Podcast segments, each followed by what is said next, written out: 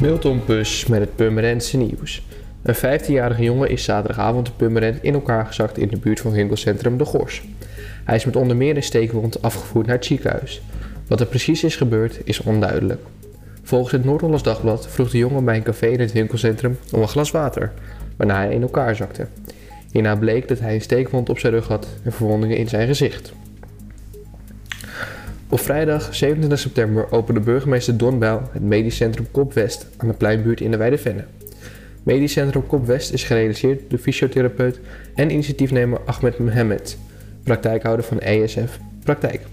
In het moderne centrum zullen de disciplines ESF Praktijk, huisartsenpraktijk Nota en Zwart en apotheek De Ring nauw samenwerken voor kwaliteitszorg. Het laboratorium van SALT zal twee ochtenden per week aanwezig zijn voor bloedprikken.